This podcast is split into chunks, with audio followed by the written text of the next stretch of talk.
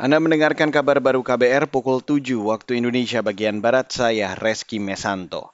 Saudara Komisioner Komisi Perlindungan Anak Indonesia atau KPAI, Retno Listiarti mengatakan, tingginya angka putus sekolah saat pandemi dipengaruhi faktor ekonomi keluarga. Menurutnya banyak anak bekerja membantu orang tua atau dinikahkan untuk mengurangi pengeluaran keluarga. KPAI mendorong pemerintah melakukan intervensi khusus di bidang pendidikan. Kalau kemudian sudah diketahui penyebabnya, misalnya penyebabnya adalah masalah ekonomi misalnya, ya, ya negara harus turun karena kan negara juga punya punya program-program untuk membantu. Misalnya program Kartu Indonesia Pintar atau misalnya di Jakarta tidak hanya Kartu Indonesia Pintar, tapi ada program misalnya KJP. Ya di situ intervensi negara Komisioner KPAI Retno juga mengatakan, jika angka putus sekolah tidak segera diatasi, maka rencana pembangunan jangka menengah nasional atau RPJMN sektor pendidikan tidak akan tercapai. Berdasarkan data Kementerian Pendidikan, Kebudayaan, Riset, dan Teknologi, sejak tahun 2016 hingga 2019 terdapat sekitar 100 ribu anak di Indonesia putus sekolah setiap tahun. Sementara, selama pandemi angka anak putus sekolah telah mencapai 44 ribu kasus. Beralih ke berita selanjutnya, Saudara.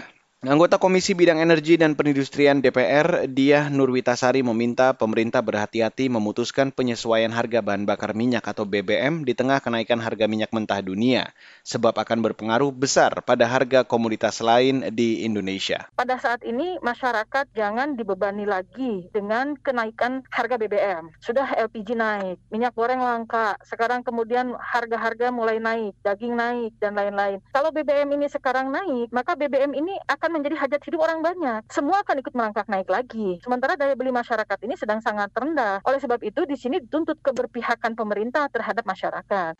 Anggota Komisi Bidang Energi dia juga mengatakan kenaikan harga minyak dunia akan banyak menyedot anggaran negara untuk subsidi BBM. Maka dari itu untuk menekan potensi membengkaknya anggaran, ia menyarankan agar menunda pembangunan ibu kota negara atau IKN.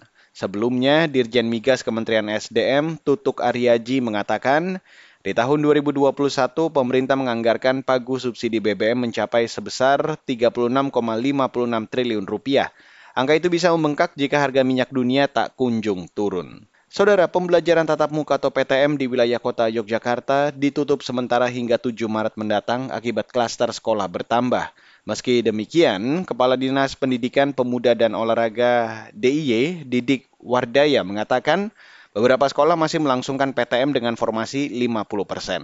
Ya kita kan uh, sebenarnya pada masing-masing apa namanya satgas di penewonan masing-masing ketika ada rekomendasi itu kita jalankan. Artinya di sekolah menjalankan itu nggak apa-apa. Tetapi kita memang tidak tidak harus serentak gitu ya karena ada daerah ada sekolah tertentu yang sebenarnya tidak ada satupun yang terkena kasus itu juga ada jadi hmm. kalau yang seperti itu kan tetap saja boleh masuk menurut Didik saat ini terdapat 14 sekolah yang masih melakukan pembelajaran jarak jauh atau PJJ Saudara, lebih dari 1.200 siswa pada 60 sekolah di Yogyakarta terpapar COVID-19 sejak PTM digelar pada 3 Januari lalu.